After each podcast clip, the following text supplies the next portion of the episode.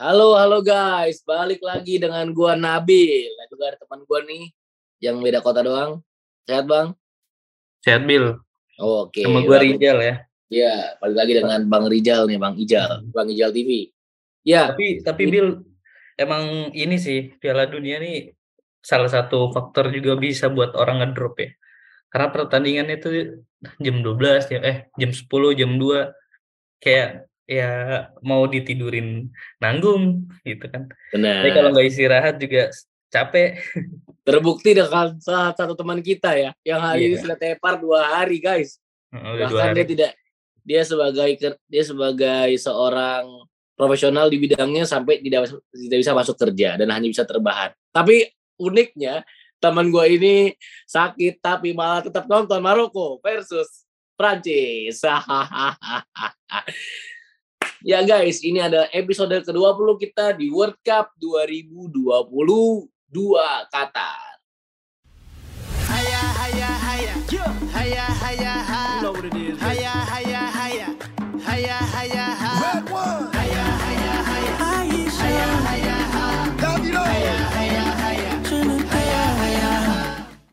Ya, baiklah. Semalam ada Maroko versus Prancis. Banyak orang bilang Maroko win the game, but eh uh, France win won the game and Morocco wants our heart. Memang bisa dibilang itu adalah keajaiban ya guys ya. Keajaiban tidak terjadi tiga kali.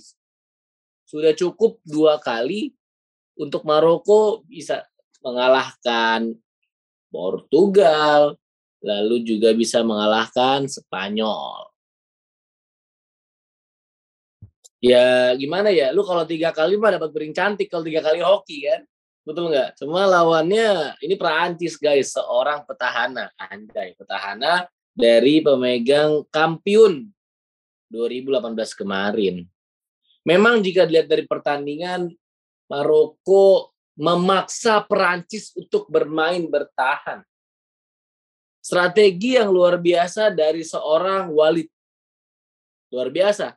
Dia bisa mengekang Prancis untuk bermain lebih bertahan. Padahal statusnya Prancis sebagai juara dengan striker kelas atas semua, tapi mampu Maroko ini menyudutkan lah dalam tanda kutip, dalam tanda kutip. Meskipun secara skor tidak. Yang mana strategi overload di lini tengah ternyata tidak berhasil, tidak seperti Argentina kemarin yang dengan strategi overloadnya mampu menghadang Kroasia. Nah, menurut lu gimana Jal? Kenapa bisa overload yang digagukan Maroko? Bahkan strateginya 5-4-1. Tapi bisa menahan Prancis untuk bermain lebih bertahan. Menurut lu gimana? Eh, kalau gue lihat ya, kan biasanya Maroko ini kan dia lebih adaptif ya. Jadi nunggu eh, maksudnya nunggu nunggu pemain musuh yang lebih sering apa sih ngasih serangan gitu kan ya. Jadi Mhm. dia mainnya lebih defensif lah. Tapi kalau gue lihat kenapa mereka akhirnya pakai strategi ini ya, apalagi formasi yang juga beda banget dari pertandingan sebelumnya. Biasanya kan 4-4-3, eh 4-3-3 ya. Atau enggak 4-4 eh eh enggak, biasanya tengah tetap 3 sih ya. Pokoknya gitu dah, pokoknya tengah 3 dan belakang biasanya 4. Mm-mm. Nah, kalau gue lihat sih ini salah satu faktor karena apa sih? eh Roman Saiz sama Mazraoui ini kan yang mereka andalkan sebagai back back pertahanan bagus mereka lah ya. Ini Hmm. cedera gitu. Jadi akhirnya mau nggak mau eh, kita di akhirnya mereka pakai strategi buat madetin di lini belakang gitu. Tuh, tapi kalau gue lihat sih sebenarnya Hakimi lebih banyak eh, rotasi ke depan ya. Dia lebih banyak di depan. Jadi back itu sebenarnya seringnya empat gitu. Gitu. Terus yang gue lihat juga Hakim Ziyech ini lebih ke jadi second striker di belakangnya Enesiri. Gitu. Enesiri juga cuma jadi apa namanya? Target man. Target man, pemantul. bukan, bukan target man. Dia Pemantul. false, false nine gitu. Oh, Jadi naik na- narik false orang nine, ya. doang gitu. mm, decoy. Iya decoy. Gitu sih yang gue lihat semalam ya. Eh ya yang gue lihat kenapa mereka akhirnya lebih ofensif daripada pertandingan sebelumnya. Ya mungkin ini salah satu misal apa ya antisipasi daripada uh, terbacanya strategi me mereka gitu kan karena mereka Betul. biasanya memang lebih defensif gitu makanya Betul, meskipun formasinya defensif tapi cara bermainnya ofensif gitu serangan mulu Benar. itu dan ya sebenarnya yang gue lihat juga ini sih uh, Sufyan Amrabat lagi-lagi uh, jadi apa ya jadi apa sih gelandang yang disiplin ya. Pokoknya dia selalu nutup ruang lini tengahnya apa lini tengah dan depannya Perancis gitu. Makanya gue lihat juga kenapa apa penguasaan bolanya lebih gede di Maroko karena ya itu sering kali kalau misalkan bukan apa ya kalau nggak langsung dioper dari tengah ke depan ke Mbappe tuh atau ke Griezmann biasanya langsung di ini dihadang sama Amrabat gitu jadi mau nggak mau Prancis lebih sering main ke sayap Bill gitu sih kalau yang gue lihat ya Betul, gue setuju. Memang ketika overload kalah Prancis, mereka pemain Prancis melakukan uh, overlapping dari dari tengah. Contoh kita lihat di gol pertama aja. Gol pertama Rafael Hmm. Varane langsung memberikan umpan yang sangat luar biasa kepada seorang Griezmann. Gila Hmm. itu bisa kok Hmm. langsung di bypass. Hmm, Kalau memang tidak di bypass, pasti Amrabat Amrabat everywhere. betul Nah, bisa dibilang Amrabat ini sama Kante mirip kata gua. Kenapa mirip? Karena dia baru bersinar itu di usia yang sudah cukup matang. Sedangkan Amrabat tuh udah hampir 20-an udah masuk usia matang ya, udah udah masuk Ah. golden age pemain bola. betul Kalau menurut lu Jal, apakah memang Amrabat ini sebagai tolak punggungnya dari seorang eh dari setim Maroko? Seberapa penting peran Amrabat di Maroko? penting tapi menurut gua penting ya. Tapi dia belum bisa jadi tulang punggung sih. Karena dia cuma apa ya bahasanya ya? Eh, dia cuma bisa destroyer lini tengah tapi kalau untuk ngalirin bola dia masih kurang gitu. Jadi makanya dia lebih sering akhirnya kalau dapat bola dia lebih sering langsung kasih ke sayap ke Hakimi atau enggak ke atau enggak ke Ziyech gitu kan. Jadi antara dua ini terus ya udah Buffal, Onahi sama Nesiri ya dia di depan tuh. Tinggal maksudnya mereka tinggal ya udah rotasi aja siapa yang bakalan di tengah narik pemain belakang yang sayap atau sama narik yang tengah gitu. Gitu sih yang kalau kalau gue lihat tapi ya menurut gue itu agak kebaca tapi eh, maksudnya gimana ya aliran aliran bolanya sebenarnya kebaca cuma bukan hal yang mudah juga buat ngentiinnya gitu yang gue semalam sih keren sih Hakimi sama apa Ziyech ya. Gitu sih Nah, ini yang menarik ya. Ternyata nggak cuma Maroko yang bermain dengan di luar dari kebiasaan mereka. Terutama di Prancis, ah, yang paling mengejutkan menurut gue adalah dimainkannya Fofana instead of Rabiot. Yang mana Rabiot kita tahu ini luar biasa sekali kiprahnya dan ternyata Fofana mampu me- apa, melawan keraguan tersebut. Menurut lo gimana nih? Dan juga eh, di sektor pertahanan, Ibrahima Konate yang biasanya bermain dari itu Upamecano, tapi di sini yang bermain adalah Ibrahima Konate dan dia bermain cukup baik dengan banyak adanya intercept, blok dan yang luar biasa. Menurut lo gimana? Apakah Prancis memang full tim squad itunya adalah luar biasa ataukah memang hoki aja nih pemain mengganti bisa perform? Eh, gua gua kurang merhatiin Ibrahima Konate ya tapi kalau misalkan kata Ajam kemarin waktu lawan apa ya Bil? dia tuh jadi tulang punggung defendernya apa Prancis kan ya sempet Konate ini. Jadi menurut gua eh dipilihnya Konate tepat sih gitu. Terus eh, sebenarnya yang paling gua sorot ya dari dari defendernya Prancis tuh dari kemarin tuh Jules Koundé Eh, itu benar-benar benar-benar gimana ya dia bisa pressing sendiri terus tahu waktu apa tahu tahu positioning of apa sih biasanya yang enggak dia megang bola tuh off ball ya Out of position. Ketika out of position. nah iya Eh, per- pergerakan pergerakan bola. Pergerakan tanpa bola. iya pergerakan tanpa bolanya terus ya udah dia kayak bisa ngebaca ke mana bakalan eh, rebound bolanya terus bakalan di shoot ke arah mana gitu. Itu yang paling gua nyesek sih sebenarnya pas dia posisi pas kan ini Boval diganti update. Mm-mm. update dribbling terus sampai depan sampai pokoknya udah sampai samping Mister gawang lah. Dia dia oper kasih ke Onahi nah itu tuh apa di shoot ya? Gue lupa. Pokoknya yang di menit-menit terakhir lah Bil itu sebenarnya udah kayak wah ini harusnya gol nih gitu. Tapi Iya, kan gue Kunde gue lihat. Kunde bisa nutup itu dan yang gua salut juga eh, Loris eh, untuk pertandingan semalam dia nggak blunder sama sekali gitu sih. Biasanya kan ada sedikit ya yang dia kadang-kadang kepleset gitu tangannya atau habis body charge dia jatuh nggak sempet bangun. Biasanya Hmm. kan sering gitu Loris. Cuma semalam gue lihat eh, dia disiplin dan struggling banget. Ya me- menurut gua mereka semalam Prancis pantas menang sih. Tapi ya kalau misalkan yang gua perlu apa sih tandain dari kekurangan Maroko semalam sih sebenarnya di apa ya di di defender mereka nomor 20 sama 18 Yarmik sama si Dari gitu.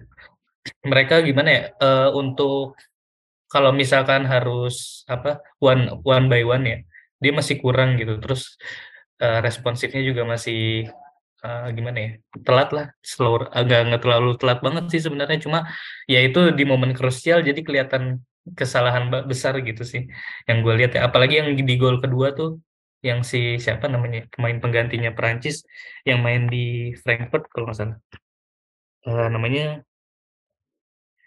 oh Randall, Kolomuani. Randall, Randall, Randall, Nah. Kolomuani.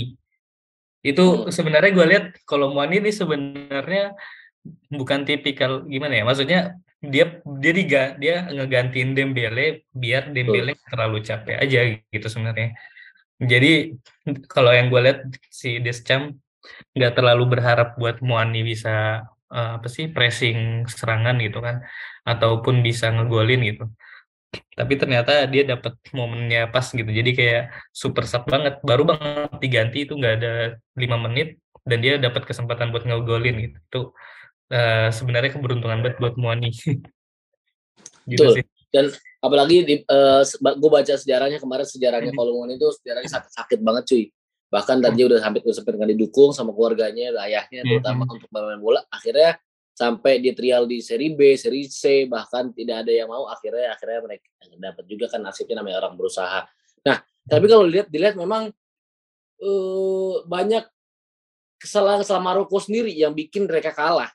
Nah Contoh gol pertama, iya gol pertama tuh siapa sih namanya golin tuh? Si Theo Hernandez. Hernandez. Heeh. Itu kosong loh nggak dijaga. Kosong nggak Iya. dijaga, benar-benar kosong. Di sebelah kiri gawang. Eh sebelah kanan gawang. Terus yang gol kedua sama telat nutup, telat fokus. Ini memang kesalahan yang sangat dibayar mahal dan juga ini menunjukkan bahwa bahwa pentingnya mentalitas seorang pemain di level tertinggi. Bisa dibilang Iya, iya. beberapa kali serangan Maroko itu mandek gitu. Ka- Mereka bingung decision apa yang bakal mereka ambil kan antara dia passing atau dia eh, nge-shoot ya kan. Banyak sekali contoh yang pas peluang terakhir Maroko di menit-menit akhir. Yang tadi lu Iya. bilang kan. Dia kan sprint, bener sprint kan. Dia lama banget tuh, dia mau ngoper apa mau dia tuh nah iya sedangkan itu bisa dibilang agak kosong ya agak kosong gitu kan. Nah, ini itulah pentingnya mentalitas juara. Hmm. ada satu coach eh bukan ada satu perkataan yang menarik dari Walid. Walid ini bilang harus mewaspadai Griezmann dan ternyata terbukti Griezmann menjadi man of the match di pertandingan semalam. oh iya Menurut Jal, gimana sosok Griezmann yang sangat luar biasa ini? Bahkan gue sempat notice juga kemarin di episode kemarin kalau misalnya Griezmann ini yang luar biasa hancur gak di Barca doang. Nah, menurut lu gimana nih Griezmann? yang gue gue perhatiin sih pertandingan semalam Griezmann itu bagus di ini apa off the ball-nya. Pas dia lagi nggak megang bola tuh Hmm, benar-benar buat ganggu konsentrasi pemain belakang Maroko. Hmm, akhirnya ya beberapa kali Mbappe har- harusnya maksudnya Mbappe kan akhirnya yang sering dipas itu kan ke Mbappe ya yang buat Hmm. ngedribbling sampai ke depan gawang. Nah itu tuh eh, beberapa kali Mbappe ya udah akhirnya di pressing bareng set dan dan akhirnya tetap lolos gitu. Dan mereka tet, ma- mereka akhirnya fokus apa ya maksudnya back yang lain itu fokusnya tetap Griezmann gitu kan karena sangat diwaspadain. Dan ternyata malah yang dapat bolanya itu bukan Griezmann ataupun Mbappe gitu yang ngegolin. Theo Hernandez maupun si siapa satu lagi? Muani. Kolomani, Kolomani. gitu. itu emang benar-benar ketarik semua sih Eh, maksudnya belakang defendernya siapa namanya defendernya Maroko nih banyak fokusnya ke ketarik ke Mbappe ataupun Griezmann gitu. Salah satunya sih yang pas waktu Theo Hernandez ngegolin ya, itu benar-benar kosong kan. Dan saya dan gimana ya? Betul. Sebenarnya Bono sebenarnya harusnya bisa dapat sih itu. Cuma ya dia juga bingung kan. Dan pinternya si Hernandez ini tenang banget, Bill. Betul. Nah, itu Bahkan golnya akrobatik ya. Akrobatik. Dan itu kan ya Bono juga bingung ini kapan timingnya kan. Set set, set taunya diambil pas lagi di bola atas gitu. Dan jadi gol. Hernandez eh, tenang banget sih waktu dapat kesempatan itu gitu. Keren keren. Baik. Nah, sekarang kita beranjak kepada next step-nya untuk Prancis. Menurut lu dengan performa yang luar biasa ketika mereka bermain di kurung bahasanya lawan Maroko Hmm. Lalu sebelum-sebelumnya mereka juga dikurung juga lawan Inggris juga sebenarnya lawan Inggris juga main bagus-bagus banget. Hmm. Apakah ini sama-sama tim Argentina dan Prancis sama-sama tim yang dikurung main bagus, nggak dikurung pun juga main bagus. Ya iya benar-benar Nah, menurut lu seberapa besar kans Prancis untuk back to back juara? buat lawan Argentina di final ya Iya. Gimana ya gue juga sebenarnya sih asalkan Argentina gelandang tengahnya bisa solid ya. Hmm. maksudnya eh ini kan kadang-kadang kadang yang sering dijadi tanda apa ya eh, apa sih yang sering digarisbawahi ya dari permainan Argentina itu adalah eh, lini tengahnya yang kurang solid gitu kan. Maksudnya Messi ini emang bagus buat creator change di apa di di AMF ya gelandang serang dia kan tapi yang gelandang gelandang tengah sama defensifnya tuh kadang-kadang eh, on perform kadang enggak gitu. Jadi eh, ya itu sih yang harus di yang harus pinter-pinternya pelatih Argentina ya. Siapa namanya? Skol Skolini. Kalau nih eh skol, skala, sekolahnya apa ska, skaloni? Skolani. Lupa gue juga. Nah itu tuh. Maksudnya dia harus pintar ngebaca kapan harus ganti pemainnya sih. Karena kalau enggak ya lini tengahnya kalau nggak solid ya bisa kejebolan terus gitu. Sama serangan-serangan apa Prancis dan Prancis gue lihat dari ya dari beberapa kali apa ya startingnya yang berbeda gitu kan. Kayak Hmm. kemarin kan Ibrahim Konate bisa Dayot apa Upamecano gitu kan.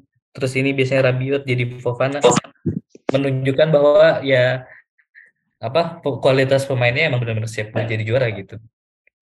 Gitu sih. Jadi dua-duanya sama-sama gue masih bingung sih buat tentuin buat megang mana ya buat bisa menang gitu di lain sisi gue nggak pengen Prancis menang karena kemarin udah menang gitu kan gitu Argentina pun sebenarnya punya punya peluang cuma kalau misalkan lini belakang dan tengahnya apa amburadul apalagi Lautaro Martinez juga nggak perform bagus juga ya. Karung beras. iya anjir kocak jadinya gitu sih ya tapi kurang lebih kalau yang gua tadi apa ya baca peluangnya ya kemungkinan besar sih Prancis yang bisa menang gitu Oke, sebenarnya tadi gue mau tanyakan itu ke lu ternyata lu sudah menjawabkan jawaban. Sialan. sekalian Kebaca. jalur Sedangkan kalau gue sendiri guys, gue Nah. gue bukan fans CR dan gue bukan fans Ronaldo guys. Gue fans sama Ronaldo sama cok gue fans gue fansnya Fernando Torres Sainsmans namanya. Dia adalah pemain favorit gue karena dia saat mandul pun dia tetap selalu struggle nggak kayak pemain penyerang Chelsea yang lainnya mandul-mandul seperti apalagi si Lukaku bodoh itu kan. Kenapa? Dan gue di sini adalah mendukung Argentina. Kenapa? Bagi gue simpel aja. Eh, yang pertama adalah udah nggak ada alasan lagi untuk Messi untuk tidak memenangkan Piala Dunia. Nah. Udah pencapaian sempurna yang paripurna apa permainan yang paripurna dia di World Cup ini dengan menunjukkan ya meskipun selalu mendapatkan penalti antara, antara kontroversial atau enggak tapi dalam segi permainan dia selalu terlibat dalam permainan yang luar biasa di Argentina. Hmm. Jadi bagi gue udah nggak ada alasan lagi sih kalau dia nggak juara. Mungkin hanya faktor luck aja yang bikin dia nggak juara. Dan juga alasan nomor dua adalah gue kurang suka sama Mbappe. Meskipun Mbappe di Prancis ini bukanlah Hmm. Mbappe yang ada di PSG. betul betul betul Tapi tetap alasan utama gue adalah udah nggak ada alasan lagi untuk Messi untuk tidak memenangi Piala Dunia Qatar 2022 ini. sama sih Bill kalau gue secara subjektif sebenarnya gue nggak pengen Prancis menang karena Mbappe ya maksudnya dia ini kan masih muda terus di PSG juga udah dikasih jabatannya tinggi dengan dia memenangkan Piala Dunia lagi takutnya ya dia semakin arogan gitu aja sih Ah, gitu kan betul. otomatis Apalagi Messi kan temennya dia di PSG. Bisa jadi udah lemes tuh gak usah main. 20 gitu kan. atau ribut sama Neymar, atau ribut sama Di Maria kan entah siapa itu banyak lah pemain Argentina dan pemain Pran eh, main eh, Prancis yang bermain di PSG. betul Ya, guys, ini adalah akhir dari podcast kita kali ini. Jangan lupa untuk komen, like, komen, share dan subs eh, dan ya subscribe juga langganan kita di Spotify dan juga share ke grup keluarga Anda dibandingkan Anda debat politik apalagi semalam baru ada pengundian nomor urut partai. Jadi mending Anda share ini untuk debat bola aja karena debat bola lebih sehat dibandingkan debat politik karena Anda tidak akan keculik jika Iya. Anda paling ini Bill kalau debat bola kalau kalau ketemunya sama player FC dibayar buat gak usah bacot lagi sih udah di gue bayar Iya, kan enak Anda kan enak sebenarnya Iya. Oke. Oke guys, I'm Nabil and my friend Ya. oh gue kira Iya. signing out. bye Time is now or never.